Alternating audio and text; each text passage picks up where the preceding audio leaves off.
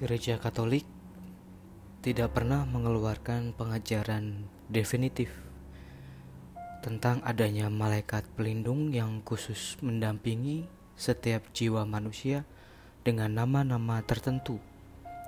Apalagi mengharuskan kita untuk berkomunikasi dengan malaikat pelindung kita.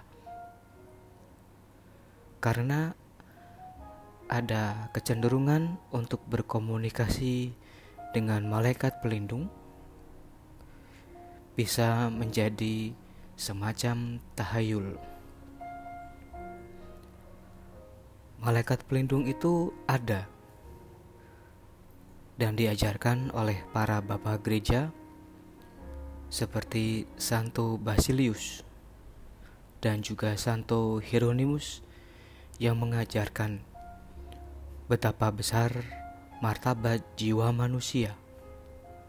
Sebab setiap jiwa dari kelahirannya mempunyai satu malaikat yang ditugaskan untuk menjaganya.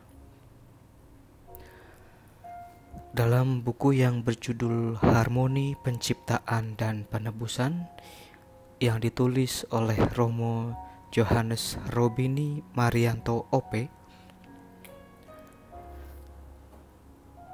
Dalam buku ini dikatakan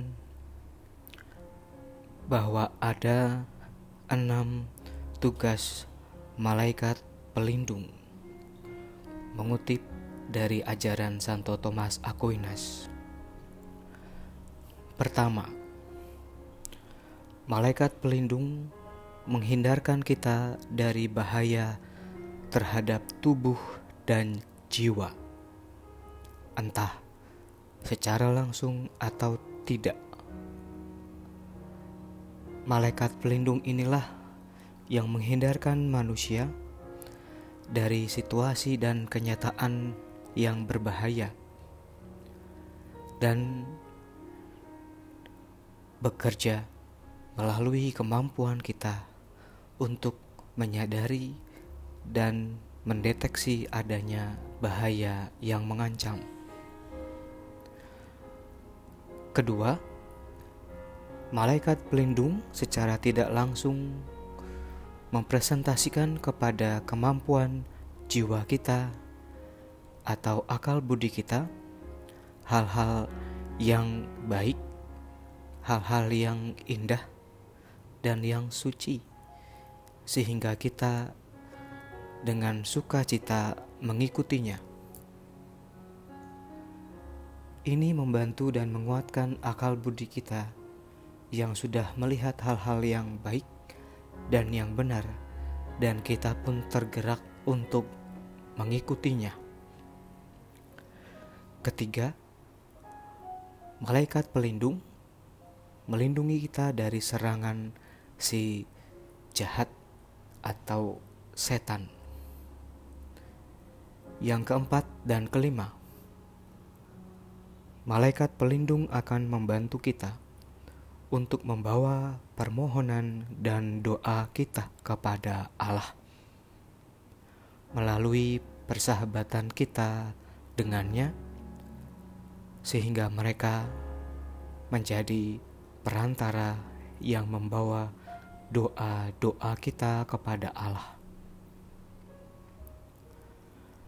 Mereka melayani Allah secara dekat karena mereka adalah makhluk rohani yang murni.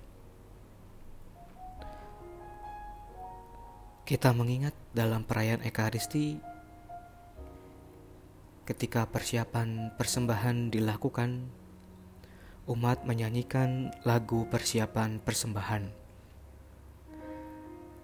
Dalam momen itulah umat pun bisa menghaturkan permohonan dan doanya kepada Allah di dalam hati melalui para malaikat pelindungnya.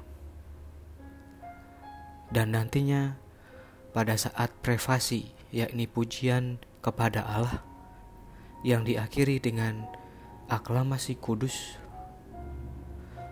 kita pun turut memuji Allah bersama dengan para malaikat di surga. Tugas malaikat pelindung yang keenam. Jika kita peka akan kehadirannya,